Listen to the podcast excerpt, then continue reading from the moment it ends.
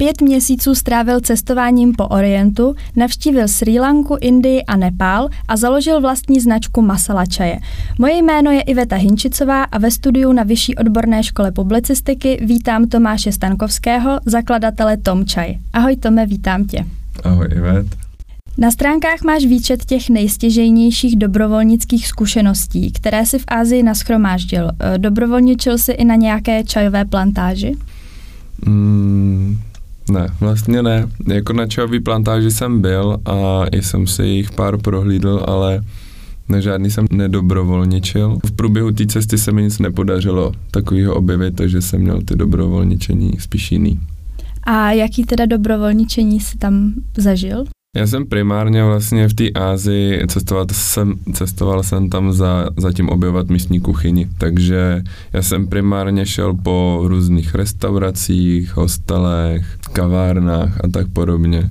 Tohle se mi vlastně vždycky podařilo najít, někdy, někdy přes nějaký speciální třeba stránky, eh, které se na tohle zaměřují, někdy přes známosti lidí, co jsem potkal. Podnikl si cestu do Ázie sám nebo si měl parťáka? Uh, začal jsem s kamarádama. Ono to bylo svým způsobem neplánovaný. Vzniklo to celý tak, že jsem s jedním, eh, s mým kamarádem, vlastně spolužákem ze základní školy a ze střední, chtěl jet navštívit druhého kamaráda ze střední na Nový Zéland protože on už byl asi rok a půl nebo dva roky na Novém Zélandu, pracoval tam a bydlel ze svojí přítelkyní a my jsme jako přemýšleli, že bychom za nima nějak třeba na Vánoce v roce 2018 jeli. A když jsme tohle začali nějak s nějak komunikovat, tak právě ten kamarád ze Zélandu nám řekl, že zrovna tyhle ty Vánoce tam nebudou, ale že po novém roce chtějí letět na Sri Lanku, takže bychom místo Zélandu mohli jet všichni společně na Sri Lanku. A tak nějak jako vznikl ten nápad, že vlastně, když už člověk bude jako na té Sri Lance, tak bych se mohl podívat i do té Indie a úplně se tam jako zažehl ten můj jako plán a sen jako cestovat dál. A bych ti teda odpověděl na tu otázku, takže na Sri Lanku jsme odjeli ve čtyřech a pak jsme se vlastně částečně vraceli do Čech protože já měl koupenou zpáteční letenku přes uh, Spojené arabské emiráty. A já, když jsem pak jako v průběhu vlastně toho plánování těch cest zjišťoval, co stojí třeba letenky ze Sri Lanky do Indie, tak jsem zjistil, že nakonec mě vyjde levnějc využít na půl tu zpáteční letenku do těch Arabských Emirátů a koupit si letenku z Emirátů do Indie. Takže letěli jsme spolu do Emirátu a já jsem z Emirátu už pak letěl sám do Dili a oni letěli zpátky do Čech. Eh, tvoje cesta nakonec trvala pět měsíců. Byla tak naplánovaná, když jsi říkal, že si to vlastně tak nějak naplánoval až na té Sri Lance, tak byla tak naplánovaná? Jo, tak uh, určitě to naplánovaný nebylo. Já nejsem moc dobrý plánovač. Já jako mám vize a sny, ale moc jako neumím plánovat a radši, radši jako žiju a pak nějak jako se rozhodu v průběhu toho, co se děje nebo jak to cítím.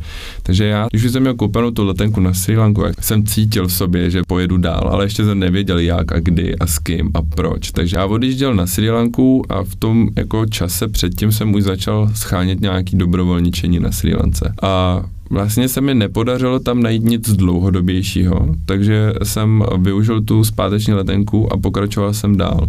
Ale bylo jako otevřený i to, že kdybych tam našel hezký místo, že bych tam třeba tři měsíce zůstal na té Lance, že by to jako nebyl pro mě problém a vlastně i jsem to chtěl. Ale pak jako nic jsem nenašel a tak jsem cítil, OK, tak jedeme dál. A ani v té Indii já jsem vůbec neměl jako naplánovaný, kam se chci podívat, co tam chci dělat. Já jsem věděl, že chci dobrovolně, či chci potkávat místní lidi. A jediný místo, kam jsem se chtěl podívat, byla Rishikesh, a, což je vlastně známý město jogy, a, kousek od pramenu řeky Gangy. Je to vlastně posvátný, takový jako hodně známý město, kam spousta lidí jezdí na týdenní i měsíční pobyty a jenom meditují a cvičí jogu a tak.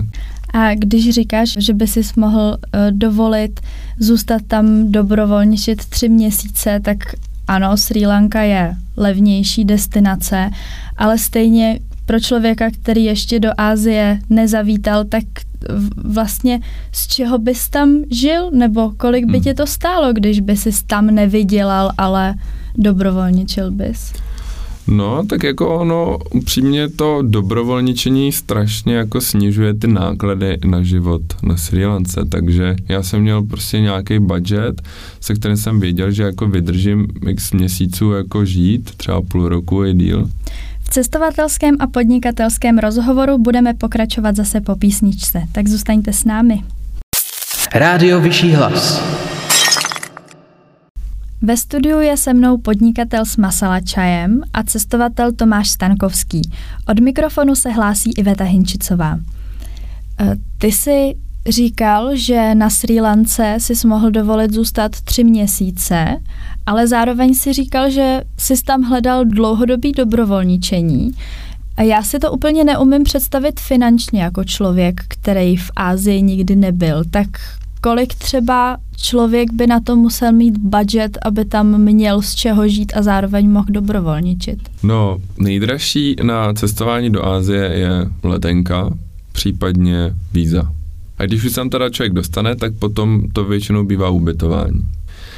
A díky tomu vlastně, když ty si najdeš dobrovolničení, tak neřešíš ani ubytování, a neřešíš ani stravu dost často, že vlastně za to, že ty třeba 4 až 5 hodin denně, 5 dnů v týdnu pomůžeš s něčím, dostaneš zdarma ubytování a, a vlastně i jídlo. Tak ty tam můžeš být tři měsíce a v podstatě neutratit ani korunu. Já jsem takhle cestoval hlavně po té Indii, kde jsem za celý dva měsíce, co jsem byl v Indii, neutratil vlastně ani korunu za ubytování. A utrácel jsem jenom za dopravu, protože jsem přejel Indii vlastně celý západní pobřeží, víceméně od severu na jih, z Nového Dilí jsem se dostal až dolů na jih do Keraly, tak jsem to celé tohle pobřeží vlastně přejel ve vlaku, v té vlastně nejhorší, nejlevnější vlakové třídě, kde opravdu jako přejezd x set kilometrů stojí prostě v přepoštu pár korun. Já když jsem udělal po dvou měsících v Indii takový jako schrnutí mých nákladů, to jo, jako možná s vízama jako chabejch třeba 5-6 tisíc za dva měsíce v Indii. Já jsem opravdu v Indii uh, využíval dvě hlavní platformy nebo věci a to je Couchsurfing a Workaway. Přes Couchsurfing jsem si vlastně hledal vždycky ubytování v dané lokaci u místních a přes Workaway jsem si hledal dobrovolničení. A jaký byl zážitek teda jezdit v Indii vlakem? neskutečný no, a nezapomenutelný. Vlastně indický vlaky jsou dost dezolátním stavu, ale mají, mají to odstupňovaný třídama, takže samozřejmě člověk si jako může připlatit za, za větší komfort. Mají tam i klimatizované vagóny a mají taky vlastně takzvanou sleeper class, kde ty máš lůžko. Ale to já jsem si uh, dopřál až pak, když jsem jel zpátky z jihu na sever, protože to jsem měl před sebou 48 hodinovou jízdu vlakem v kuse, ale to je vlastně druhá nejhorší jakoby třída, jo, že to taky není tak drahý. Ale ta nejlevnější, no to je takový, že prostě ten vlak je vevnitř úplně jako narvaný lidma a to nejenom tak, že lidi tam jako samozřejmě jsou obsazený sedačky, ale obsazená je podlaha, prostě tam stojí, sedí všude možně, kde se dá. Prostě v Indii se sedí i nahoře na tom prostoru pro ty zavazadla. Tam sedí prostě dalších třeba jako tři lidi na každé straně minimálně, jo, takže tam jsem většinou seděl já a prostě jsem tam skrčený takhle mačkal jako v tom vlaku 16 hodin a všechno mě bolelo a bylo mi vedro samozřejmě, ale byla to sranda, protože za prvý uh, bylo zajímavé to, jak ty Indové jako tě vnímají a reagují na tebe a vlastně jsou zvědaví, co tam děláš, že jo, biolog prostě mezi Indama v té nejhorší vlakové třídě. A za druhý prostě pro mě to byl splněný sen a jako i když jsem u toho fyzicky trošku jako trpěl, tak jako mentálně jsem byl z toho hrozně šťastný, že jsem tam v té Indii, jedu s těma Indama v tom vlaku. To bylo úžasný. Takže uh, ty fotky, které kolují po internetu těch přeplněných indických vlaků, uh, korelují vlastně s realitou. Není to nějak přikrášlený? Ne, vůbec. Jako Jediný, co jsem nezažil v Indii, tak na to se mě lidi jaký hodně ptají, tak jestli jako jezdí i na té střeše, ty Indové. Jo, na střeše nikdo nejel, ale prostě to, co se děje uvnitř, tak to je prostě totální jako tlačenka, to je fakt jako neskutečný. Tam buď to se stává i, že se tam člověk jako nedostane, jo, dovnitř. A na druhou stranu jako je hezký pozorovat, jak ty lidi jako se mezi sebou jako mají, jo. Fakt je tam málo místa, takže se všichni jako na sebe mačkají, ale všichni se zároveň třeba jako objímají a držejí a tak to jako se mi taky stalo, že jsem takhle stál někde eh, s dalšíma prostě jindama, který jeli do jednoho města, kde já už jsem předtím byl a tak jsme si o tom povídali a prostě jsme se objímali a drželi jsme se, abychom jako třeba nespadli někam nebo tak, ale opravdu ty vlaky jsou úplně jako natřískaný prasknutí, no. A je to díky tomu, ale že oni prej jako v té Indii chtějí, aby si tu dopravu mohl jako každý dovolit. Takže ono v podstatě je to i nastavený tak, že sice ten jako lístek v tom, v té nejnižší jako vlakové třídě jako něco stojí, ty se jako reálně kupuješ, nebo si ho můžeš koupit, ale vlastně nemusíš. Protože tam ti ho jako nemá nikdo šanci ani zkontrolovat, jo. jo až v těch jakoby vyšších třídách pak třeba někdo chodí a kontroluje to, ale tady, tady vůbec, to jsem se s tím nesetkal. Takže proto jsou i ty vlaky jako přeplněný, jo. Ale pro ně to taky jediná nebo jako dostupná možnost, jak se třeba dostat z jednoho místa do druhého místa. Jo. Nalaď si nás na internetu a poslouchej nás v aplikaci. Stáhni si apku radia.cz z Google Play nebo App Store a poslouchej nás nonstop. U mikrofonu ve studiu na Vyšší odborné škole publicistiky je stále Iveta Hinčicová, vedle mě sedí Tomáš Stankovský a pokračujeme v našem povídání o jeho cestování po Ázii a o jeho podnikání s masala čajem. Ty jsi vyprávěl, jaký to je jezdit po Indii ve vlaku a já jsem se původně chtěla zeptat, jaký je tvůj nejšílenější zážitek z cestování po Ázii. Existuje ještě něco šílenějšího, co zažít, než jezdit po Indii ve vlaku? Jo.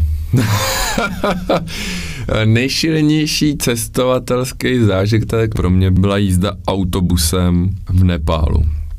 Jako ono obecně doprava v Ázii je fakt jako záživná, jo. A každý, a každá, každý, jako každá ta země má svoje třeba na Sri Lance tam hodně uh, frčí autobusy. A ty řidiči těch autobusů jsou jako neskuteční jako zabijáci. Ty fakt lítají s těma autobusama, mají je za prvý jako brutálně vyzdobený, barevný, hraje tam takový nějaký turbo, folk něco a jako jsou schopní se uh, ty autobusáci mezi sebou ty šílený dopravě jako předjíždět a do zatáček prostě najíždět, kde není vidět a jako je to masakr. Člověk, když tam fakt přijede poprvé, tak jako než se s tím zžije, tak to chvíli trvá, ale fakt po pár dnech si na to zvykneš a jako bereš to jako úplně normální věc, jo. A vlastně musíš se držet nebo sedět, ale je to docela komfortní, jo, je to úplně v pohodě. V ty Indii tam zase vlastně jsem využil v podstatě jenom ty vlaky, což až na to, že tam člověk je zase brutálně namačkaný v těch vlacích nebo v té v uh, jakoby nejnižší uh, třídě, tak je to zase docela komfortní, že tak vlak jede rovně, tak jako v pohodě. Ale co jsem jako zažil nejhorší, tak to pro mě bylo v Nepálu, když jsem uh, se vracel, protože já jsem v Nepálu podniknul trek kolem Anapuren, a vlastně to jsou sedmitisícovky uh, v oblasti vlastně Anapurna. A já když jsem se z toho treku vracel zpátky, tak z nějakého toho finálního městečka jsem se potřeboval dostat zpátky do Pokary, což je druhý největší město v Nepálu. No a tam za prvý byla šílená jako ta cesta samozřejmě, protože to pořád bylo jako v horách a za druhý ten autobus, který jako jel, ten byl jako brutálně jako rozebraný. Já jsem seděl na zadní sedačce na takový ty pětce a ta pětka prostě byla úplně jako urvaná jako od konstrukce toho autobusu, jo. takže vlastně ta sedačka jezdila takhle prostě dozadu, dopředu. A když si představíš, že jako tam jede ten autobus mezi těma dírama, jako by v zemi, je tam byly že, kaluže a, a jako ohromný provoz zároveň. A ten autobusák jako jel ještě docela dost brutálně jako rychle, tak já jsem tam skákal prostě v tom autobusu a já jsem fakt myslel, že si tam něco udělám, že mi to normálně jako urve vnitřní orgány, protože mě fakt normálně bolely vnitřnosti z toho. Já jsem jako se snažil sedět jako fakt jako zapřenej, že jo, nějak a jako spevněný, jako zatnutý jako to břicho, aby to tak se mnou jako neházelo. To byla asi nejhorší, ne, určitě nejhorší jízda dopravním prostředkem prostě za můj život. Když takhle slyším, co všechno si tam podniknul, podniknul si tam i trek kolem Anapuren, tak když se nad tím zamyslím čistě prakticky, co jsi měl zbaleno, nebo jak jsi řešil tohle? To jsi tam třeba nějaký věci, co jsi zjistil najednou, že potřebuješ, tak jsi tam přikupoval, nebo jak jsi řešil prostě balení? No, já jsem vlastně nevěděl, na jak dlouho tam jedu. A ani jsem nevěděl jako moc, co tam přesně jako budu dělat. Takže jako já jsem neměl úplně plán, že třeba do toho Nepálu pojedu. A já až, i když jsem byl ještě v Nepálu, tak jsem ještě neviděl, že ten trek kolem Manapurem půjdu. Až pak jsem se rozhodl. Ale v té hlavě to tam bylo, že by to bylo možné. Takže já jsem si bral samozřejmě jako lehké věci, jako prostě do tropů na Sri Lanku a tak ale zároveň jsem si vzali teplé věci prostě jako do Himalají. A k tomu jsem sebou táhl vlastně stan a, a spacák, jo, a karimatku a, a notebook, takže jsem měl opravdu jako přeložený bagl, no. Měl jsem sebou asi jako 60 litrovou krosnu, plus ještě jako 25 litrový batoh a mělo to jako přes, přes 20 kilo, no 20 kilo měla ta krosna, ten batoh měl třeba dalších 10 kilo nebo 5 kilo. To je moc, jako to prostě nechceš sebou tahat a postupně jsem jako ty věci odhazoval, a zase jako nemůžu říct, že jsem měl zbytečnosti, ale prostě fakt eh, je lepší jet jako na lehko a případně si něco dokoupit, když to fakt potřebuješ, než prostě sebou táhnout věci, které pak využiješ třeba jednou. Jo jenom to odhazování věcí si mám představit teda tak, že jsi tam něco prostě někde tak jako zanechal, když už si zjistil, že už to dál nebudeš potřebovat a překáží ti to. No, ne, tak třeba už na Sri Lance jsem jako věděl, že některé věci jsou zbytečné, takže jsem je poslal po těch svých kamarádech zpátky do Čech. Pak se mi nějaké věci třeba rozbily, nějaké věci jsem ztratil, třeba nějaký svetr, triko nebo takhle. Takže postupně jako to ubejvalo, ale vlastně v Nepálu, pak když jsem už byl před tím trekem uh, kolem těch Anapuren, tak tam jsem si zase musel věci nějaký třeba dokoupit, jo, že jsem úplně neměl jako vybavení na to, že neměl jsem s sebou třeba hůlky, jo. takže některé věci jsem koupil, nebo jsem šel na blešák a půjčil jsem tam věci, protože tam se točí hodně lidí, co ty uh, treky jdou. Oni se tam třeba koupí a pak to tam dají do nějakého jako second handu nebo něco takového blešáku a, a lidi si to mezi sebou točí. V rozhovoru o cestování do Ázie budeme pokračovat zase po písničce. Rádio Vyšší hlas. Jsme na internetu, ne na FM. Náš rozhovor s Tomášem Stankovským o cestování a maselačeji se přehoupil přes svou druhou polovinu a ze studia vás stále zdraví Iveta Hinčicová. Ty si Tomčaj založil před rokem a kousek. Jaký je tvůj business plán? no tak jak už jsem zmínil, nejsem ten plánovací typ, takže upřímně vždycky říkám, že kdybych si dělal nějaký velký business plán předtím, než jsem do toho šel, tak bych do toho vůbec nešel protože bych si uvědomil, co všechno by to obnášelo a jakože třeba by to absolutně nebylo něco, co bych chtěl dělat. Takže v podstatě já se dost řídím intuitivně, ale zároveň jako racionálně a logicky, takže jako nějaký plány mám, nějaký strategie, jo, ale spíš je to takový průběžný poznávání toho prostoru vůbec podnikání a co všechno to jako obnáší. Takže moje strategie, můj plán je dělat maximum pro to, aby se to, co co nej, nejrychleji nebo nejlíp rozjelo a to se mi vlastně podařilo už, takže můžu říct, že se mi do roka podařilo to postavit na nohy, aby to uživilo mě a třeba i nějaký lidi k tomu částečně. A s tím prostě takhle tom čaj hezky roste, no. Nemusel jsem do toho nasypat jako několik milionů pro to, abych třeba dva, tři roky v tom jako byl a čekal, až to začne vynášet a začal jsem v malém a, a hodně v lokálním a, prostě se to postupně s tím rozjíždí stále. Ještě to není tam, kde bych si to přál mít. s jak velkým kapitálem si do podnikání šel? Kolik stojí namíchat koření na čaj?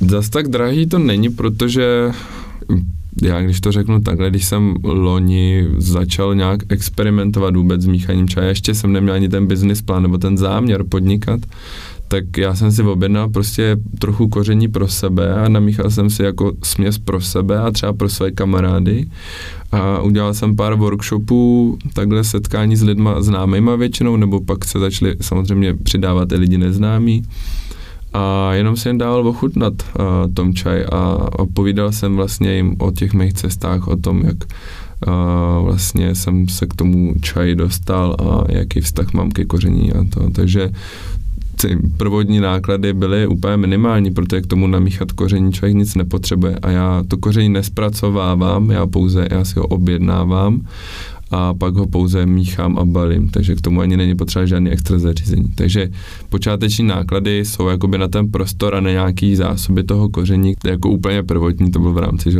pár tisícovek, ale prostě na tenhle ten biznis, jak, v jaký formě to jako dneska, tak to bylo nějakých třeba 200 tisíc. Mnoho mladých podnikatelů si vedle business plánu stanovuje i svůj osobní, například, že do 30 budou tvrdě pracovat a potom teprve založí rodinu. 30 e, už bylo letos, kde se vidíš, dejme tomu, v 35? Jo. Vůbec tak, jak to podala, že spousta lidí chce do 30 tvrdě pracovat, nebo jak to říkala, tak to já s tím vlastně absolutně jako nesouhlasím. Já a mám rád balans a harmonii, takže budu radši pracovat a dělat to, co mě baví do 90 a v klidu a s nějakým jako effortem, takovým budu do toho vkládat dobrou energii, než abych měl pocit, že do 30 nebo do 35 musím něco jako teda zvládnout a odříct si, abych pak měl teda rodinu a klid. Ale jinak, uh, ano, mě je 30, to je pravda a zní to už prostě trošku jinak, než když jako člověku je 20 něco. A i to v sobě jako cítím, že nějakým způsobem přecházím do jiné fáze toho života a je to i tím, co jsem si jako odžil, třeba, že jsem si nějaký ty sny splnil. A já se do pěti let vidím jako otec rodiny a prostě partner pro svoji manželku a a věřím, že je úspěšný podnikatel. Na svém LinkedInu máš kromě Tomčaje i pracovní pozici průvodce uměním změny. Co si pod tím máme představit a věnuješ se tomu ještě? Tak pod tím si představte to, že LinkedIn jsem dlouho neaktualizoval. Není to úplně platforma, na který bych eh, běžně fungoval, i když vlastně je pravda, že teď, když podnikám, možná bych ji mohl aktualizovat. Ale je to něco, co jsem dělal dřív a co i s tom čajem částečně souvisí, protože já než, když, než jsem odjel uh, vlastně do toho zahraničí, tak já jsem se dlouhodobě věnoval a stále se věnuju zdravému životnímu stylu a dělal jsem poradenství vlastně, co se týče výživy, co se týče um, nějakého pohybového rozvoje.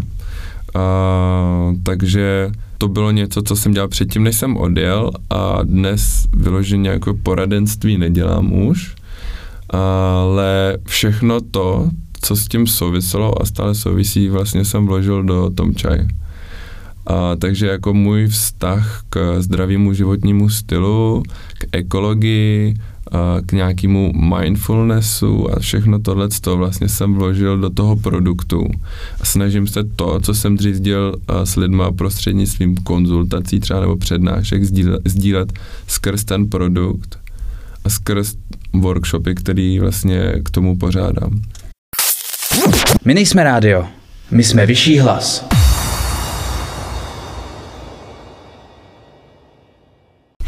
Dohrála nám písnička, vedle mě pořád sedí Tomáš Stankovský a já mám na něj poslední dvě otázky. Na konci léta jsem tě navštívila na farmářském trhu a viděla jsem, s jakým nadšením dáváš zákazníkům zdarma ochutnat rovnou tři varianty čaje. Vyplácí se to? Myslíš, že tím v nich zbuzuješ větší zájem? Vracejí se? No jasně. Eh, já bych řekl, že to je to nejdůležitější, co na tom stánku dělám. Když jsem začal v květnu s, s tím eh, objížděním trhu nebo třeba i festivalu, tak uh, jsem hledal tu svoji cestu, jak vlastně se těm lidem prodat. A teď nemyslím prodat jako prodat produkt a vydělat peníze, ale jako jak vlastně prodat to, co tam jako dělám. A já tam jdu za účelem, že jako chci navázat s lidma kontakt, chci s těma lidma jakoby komunikovat a chci jim předat nějakou message. A není to vůbec o tom, že jim nutně, já jim samozřejmě chci ten čaj prodat, ale jenom pokud je to zaujme, že jo, pokud jim to bude chutnat a bude jim to dávat smysl, jo, prostě prodat znamená jako dávat něco, jo, takže jim dát nějakou hodnotu. No, ale vlastně na tom stánku, nebo vůbec takhle se ještě stále jako dostává, že lidi neví jako o co jde, jo, co je ten masala čaj? A já vím, že pro mě jako nejlíp funguje komunikace, jo, takže já jakoby oslovuju ty lidi aktivně a zeptám se jich, jestli vidí, co to je masala čaj. A pokud ne, tak jim to chci samozřejmě představit.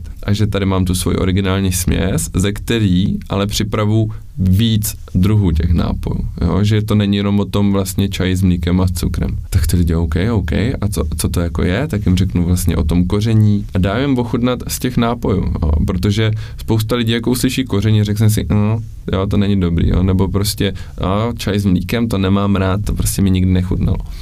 A díky tomu, že vlastně jim dám ochutnat, tak oni mají možnost zjistit, jestli to jako dobrý je nebo není. A díky tomu, že ochutnají, tak já zjistím jako prostě, jestli vůbec je tam nějaká cesta k těm lidem, nebo jestli má vůbec smysl jim ten čaj jako prodávat, že jo. Já jim samozřejmě nedávám nějaký obrovský množství, ale tak, aby mohli prostě degustovat a zjistit prostě, že jim to lahodí na základě toho prodat pak ten sáček. A já jim předám jako spoustu jako informací a věmu, takže oni i z téhle krátký takovýho proma a jako ochutnávky mají pocit, že jako se jim dal hodně a pokud jim to chutná, tak vlastně moc rádi si ten čaj koupí domů. Ale vlastně jsem zjistil, že pro mě víc funguje právě tohle, když jim dám ochutnat, že oni mají pak tendenci si koupit tu směs, což je pro mě jakoby primární záměr na tom trhu. A že když jsem tohle nedělal, tak si ty lidi třeba koupili ten nápoj a pak už si nekoupili tu směs. Na tvém Facebooku jsem viděla, že už spatřil světlo světa i Tom Cake. Cheesecake ochucený tvým masala čaj kořením. Můžeme ho ochutnat i někde jinde než v kavárně v Ústí nad Orlicí? Ne. ne, protože je to vlastně experiment uh, jedný vlastně mý kamarádky a velký faninky, uh, která vlastně v kavárně Tom Čaj má a oslovili ji natolik, že protože oni si pečou vlastní zákusky a dorty, takže jsou prostě šikovný a rádi si s tom čajem takhle hrajou, takže vytvořili tom čaj, tom čaj cake nebo tom čaj cheesecake a a vlastně se dá teda koupit jenom u ní v kavárně. Ale vlastně mě tyhle ty experimenty neskutečně baví a vždycky rád slyším, když někde někdo něco vytvořil prostě z tom čaje, protože já sám s tím jako moc rád experimentuju a dávám to do sušenek a do kaší a do různých nápojů právě a, a drinků, jo, takže uh, jen tak jako dál a těším se nebo věřím a přeju si, aby bylo čím dál tím víc jako míst, kde mají třeba i něco svýho právě originálního z toho tom čaj, že to není jenom to, co jako běžně se prodává, nebo to, co já jim jakoby doporučím, co, že se dá vlastně s tou směsí dělat, ale že si fakt vytvoří vlastní drink, když to bude bar třeba, jo, nebo že si vytvoří dra- vlastní nějaký zákusek, nebo prostě vlastní nápoj, jo, cokoliv. Tak já si nejen za sebe, ale i za naše mlsné posluchače přeju, aby se Tom Cake rozšířil do Prahy i do dalších měst. A já ti, Tome, děkuji za rozhovor a přeju ti hodně podnikatelských i cestovatelských úspěchů. A díky moc. Já si taky přeju,